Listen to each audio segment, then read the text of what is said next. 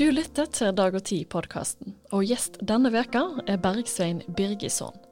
Han forteller om gården til besteforeldre, islandske sagaer og det islandske samfunnet.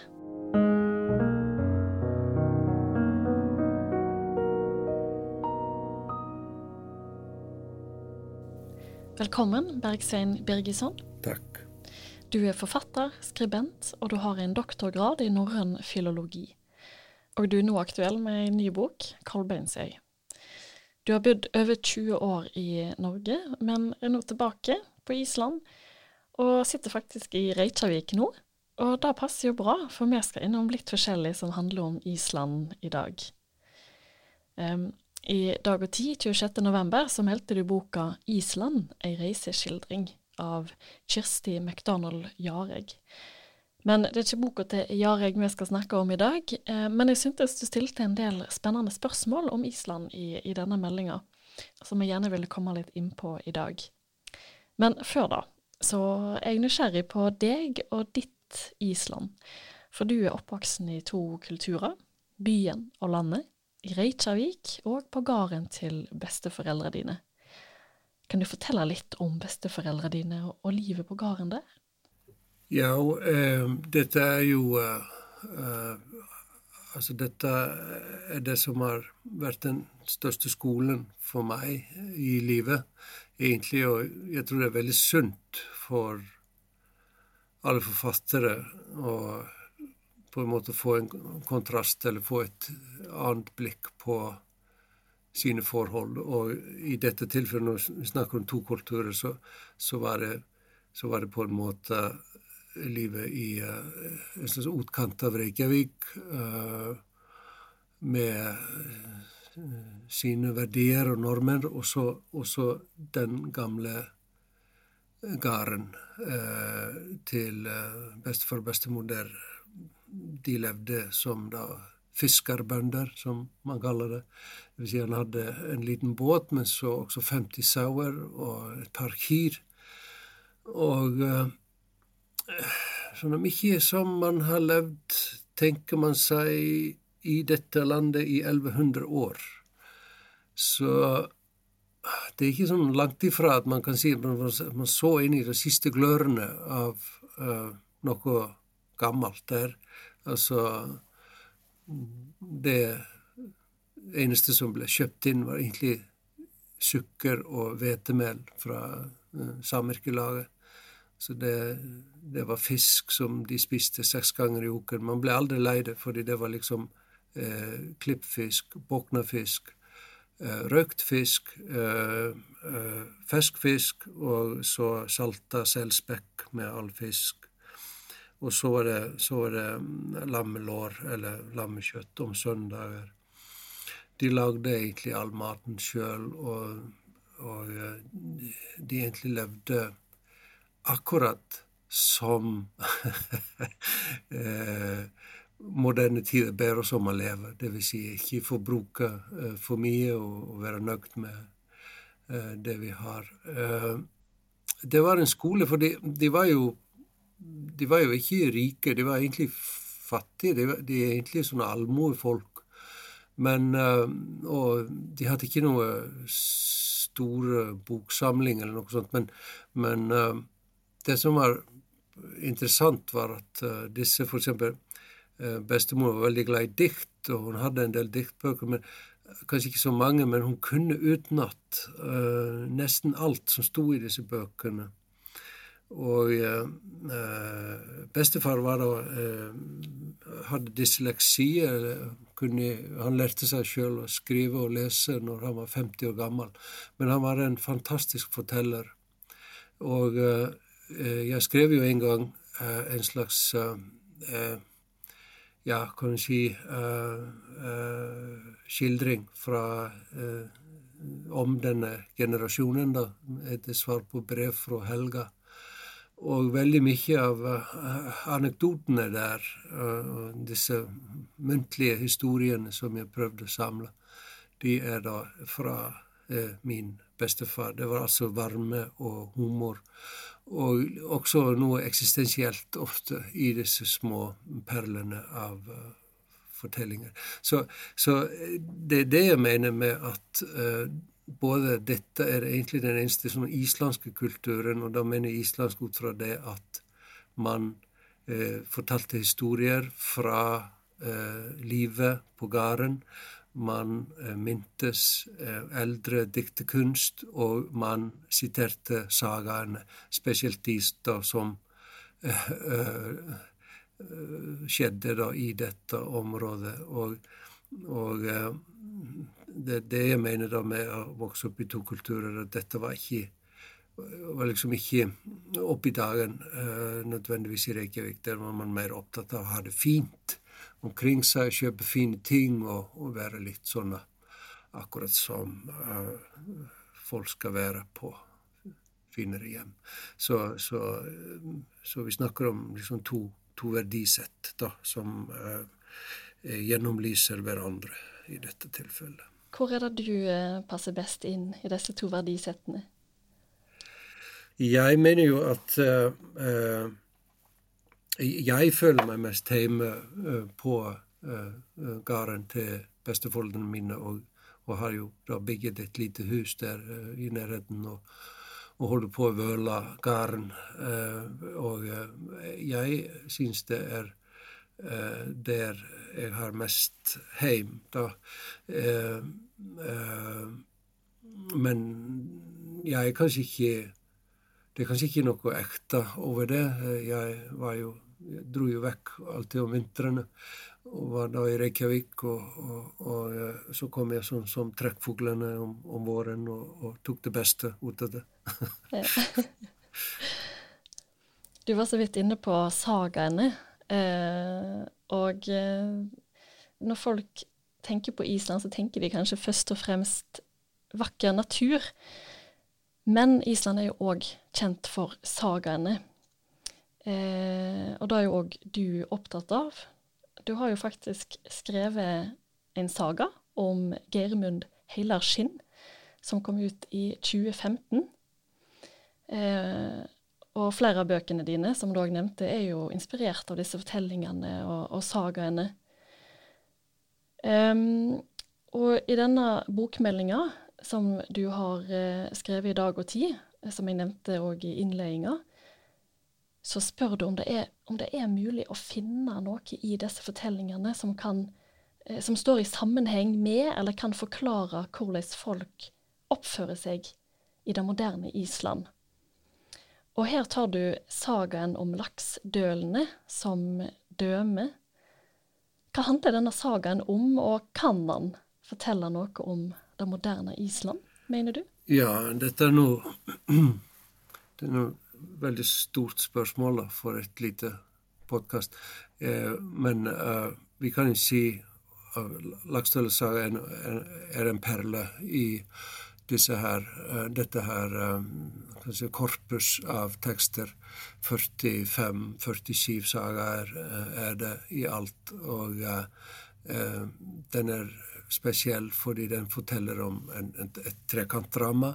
Eh, den, eh, mange har hevdet at den må være skrevet av en kvinne, fordi det er veldig flotte og eh, detaljerte beskrivelser av klær og og all slags yttertøy eh, og, og, og um, våpen i denne her mm, skildringen. Det er da eh, forstbrødre, eh, Kjartan og Bodli, som er egentlig glad i den samme kvinnen. Og eh, eh, Bodli svikter egentlig sin fosterbror og, og tar denne kvinnen når Kjartan blir eh, holdt eh, fanget hos Olav Tryggvason i, i Nidaros. Og de har liksom giftet seg når Kjartan kommer tilbake. Så, så det er et sår der som, og svik som da begynner å bale på seg, som i en skikkelig saga. Eh, det er, begynner med små, små knurringer og, og sånne slagsmål, eh, men så ender det med selvsagt at Bodli eh, dreper da eh, Kjartan, sin egen eh, forstbror. Eh, som er noe enestående fortelling i, i disse sagene. For i Forstbror er det den som du skal passe på og verne om og hevne osv. Så, videre, og så, videre. så det er en, sterk saga, og i, den, i slutten av sagaen så har Gudrun, da, denne kvinnen som sto imellom disse fosterbrødrene, hun um, har fire ekteskap bak seg, og hun har egentlig konvertert til å bli en slags uh, kristen uh, figur. Og uh, hun er full av anger over det hun har gjort. Hun har egget Bodli til å drepe Kjartan. Og barnebarnet hennes kommer på besøk og spør hvem var det du elsket mest. Og hun begynner liksom å prøve å snakke seg vekk fra det. Thorvaldur var jo veldig god uh, håndverksmann, og uh, Bodli var jo veldig vakker. Og, ja, men hvem var du mest glad i? Og da sier hun denne berømte setningen der hele sagaen kulminerer, egentlig. Eh, jeg var nok verst mot den jeg elska mest. Eh, og det som er interessant med dette her, er at når jeg hørte sånne eldre generasjoner, så var det aldri noe spørsmål hvem hun sikta til. Det var jo mannen Kjartan som hun da lot drepe, som eh, sto bak eh, denne ytringen. Eh, men så ser man da at på 80, tidlig 90-tallet begynner det å komme eh, mer sånn si, faglig, eh, litteraturvitenskapelig debatt om dette her. Og da begynner man å, begynner man å liksom eh, lure på hvem kan det være? Og, og, og dette er noe sånn helt nytt. Uh, og uh, interessant i seg sjøl, og, og, jeg spør egentlig om ikke dette er liksom en liten anekdote om det, hvordan vi har liksom litt på et vis fjerna oss litt fra uh, dette universet, og kanskje på mange vis begynner å miste litt kontakt med det.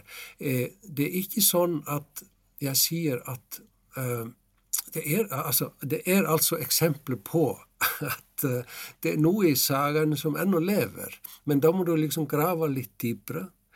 Uh, og, og uh, jeg ser eksempel med mye av sånne vellykka islandsk musikk da, som har liksom fått gjennombrudd. Bjørk og Sigur Rós og, og Hjaltalin og Mum og flere. At uh,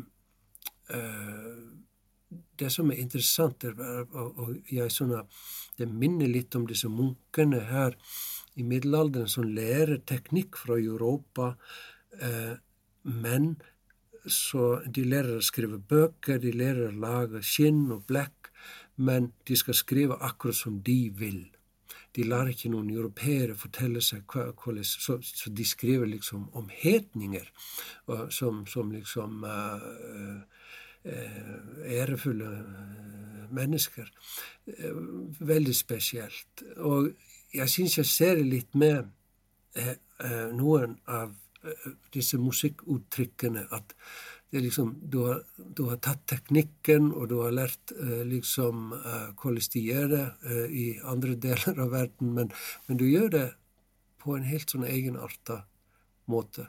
Og eh, en annen ting man ser også, er at det er ingen som blir berømt på Island, eh, hvitheten på Island, uten å ha slått igjennom eh, i utlandet. Og, og, og og det, det, minner man på disse, alle disse fortellingene om disse eh, unge, eh, dugende karene som eh, i sagaen eh, får ikke fremgang her på øya, men eh, så reiser de til eh, en kong i Norge eller Danmark og, og, og får ære og får, blir godtatt ved hyrden og gjør noe sånne ja, stordåder. kommer tilbake, og så blir det akseptert. Og så blir det eh, liksom store og gjeve her eh, på Sagaøya. Så, så, du kan jo trekke sånne paralleller mm, også eh, eh, mellom moderne tider.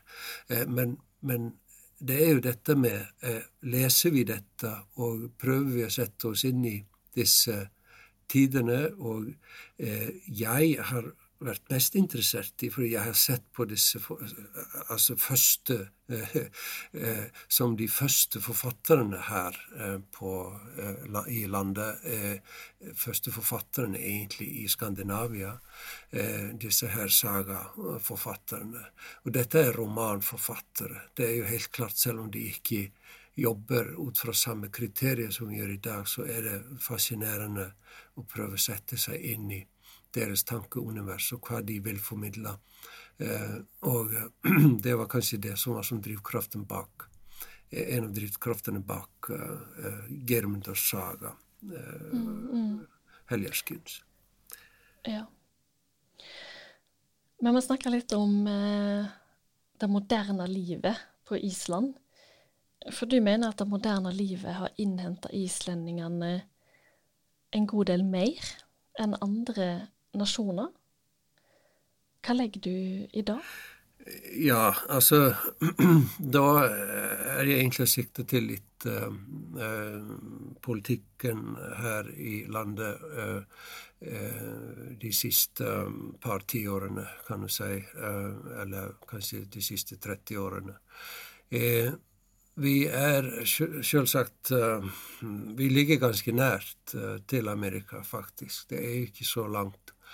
Eh, det er eh, mange unge mennesker som allerede på 80-tallet begynner å dra dit for å ta videre utdanning og uh, bli inspirert. Det blir sterke um, koblinger til amerikansk samfunn og politikk eh, mellom da ja, tidlig 90-tallet og, og Eh, det ser man da i, i da politikken som dette Høyrepartiet, Selvstendighetspartiet, eh, etablerer. Det er liksom en versjon av da, eh, kan du si, Chicago-kapitalismen. som, som hadde gjort seg gjeldende. det jeg snakker om, da, er en litt sånn uhemmet markedsøkonomi, en laissez-faire, som det kalles. Eh, det vil si at man skal la markedet styre alt, og man skal privatisere eh, så mye som mulig.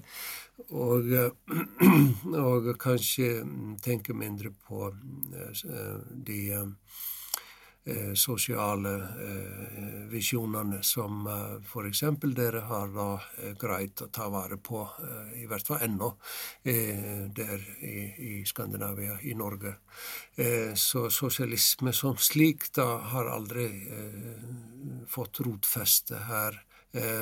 Man snakker om kanskje samvirkelaget opprinnelig var kanskje den eneste sosialismen i praksis her oppe.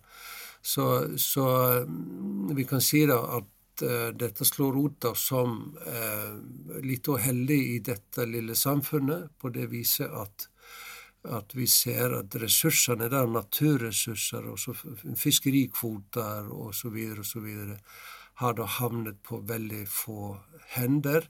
Eh, på den andre siden så, så har du begynt å se en eh, stor fattigdom eh, her blant eh, folk som ikke, ikke, klarer seg, og kanskje eh, en viss forsvinning av middelklassen som som eh, blant annet folk som Aristoteles sa at var alltid et dårlig tegn for alle samfunn hvis du har hvis du mister, hvis, hvis middelklassen begynner å miste eh, makt og, og fotfeste, så, så, er det, så er det ikke, ikke, sunt. Det er ikke gode livskår for, for et samfunn.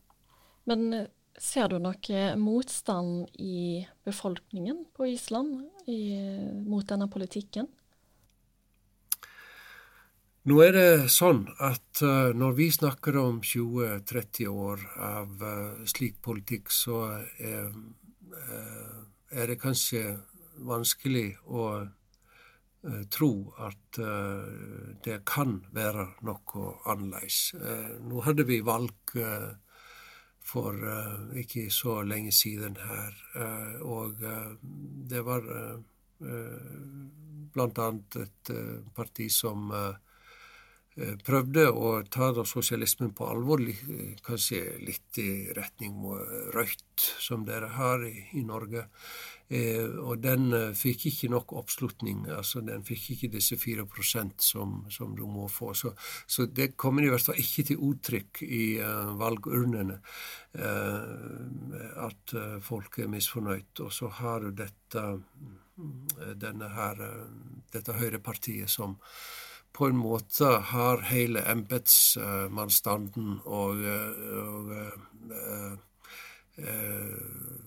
Høyesterett og, og, og, så videre og så videre eh, på sin side, og som, som liksom løsner ikke grepet. Så nei, jeg ser ikke noen eh, umiddelbare endringer i sikte, men, men uh, som sagt, da, når du ikke har lenger middel, noen middelklasse, så mister du også bufferen mellom de mange fattige og denne her utvalgte eliten som eier alt. Og det er kanskje da sånne ting begynner å skje. Jeg vet ikke det.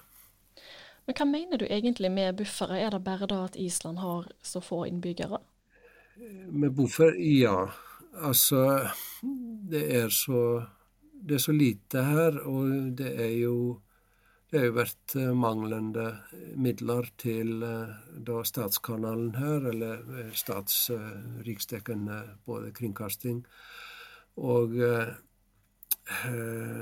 så det, det, det, er blitt veldig smått med eh, f.eks. god eh, journalistikk, eller, eller kan jeg si en journalistikk som, som drøfter ting. Det er veldig lite eh, da mener jeg med dette filterløse, det er veldig lite om at folk setter seg ned og spør seg vil vi ha dette i vårt samfunn, eller hva kan vi gjøre med dette, som da eh, man har da flere kanaler da i Norge man kan, man kan drøfte ting på. Det er det jeg mener med at vi ikke har buffer eller filter. Det er så lite motstand, da. Eh, fordi at eh, ja, vi er så få og små. Vi har jo nå snakka litt om den politiske retninga Island tar. Eh, vi har snakka om sagaene. Men jeg vil gjerne gå tilbake til gården til besteforeldrene dine, sånn nå til slutt. Har du tenkt på om du finner igjen noe på denne gården som du mener det islandske samfunnet og den islandske kulturen har mista? Eller er det et veldig rart spørsmål? Nei, altså det er i seg sjøl ikke, ikke, noe rart spørsmål, sko. Eh, og det er jo en del der som ennå er der, som ikke går vekk. ikke sant? Og det er jo naturen, og det er havet, og det er gamle havnen til bestefar, der man ennå kan dra og fiske. Og... Så det er jo en del som er ennå der. Og, eh, og det er drivved, drivtømmer. Og eh, jeg har stor glede av å, av å jobbe med det. Og eh, oldefar var da far til farfar min var da eh, båtbygger og brukte drivtømmer. Og jeg vet ikke hva det er, men det er som en kontakt med, med noe gammelt når jeg jobber med sånne ved. Som jeg, jeg syns er veldig fint, og er, er en veldig fin måte å takle moderne livet på. Det gjør noe i hendene. Men eh, ja, eh, det er bare fint å holde seg til disse konkrete små tingene, og det er kanskje aller best. Eh, dette er jo da mitt prosjekt. Det er å prøve å holde ved like noe som jeg synes er av verdi. Og, og ta vare på det for framtidige generasjoner. Bergsvein Birgesson, tusen takk for at du var gjest her i Dag og Tid-podkasten. Du lytter til Dag og Tid-podkasten. I studio var jeg, Sofie Mai Rånes. Har du tilbakemeldinger på podkasten vår? Send gjerne en e-post til sofie.krøllalfa.dagogtid.no. Vi er tilbake neste uke. Takk for at du lytta.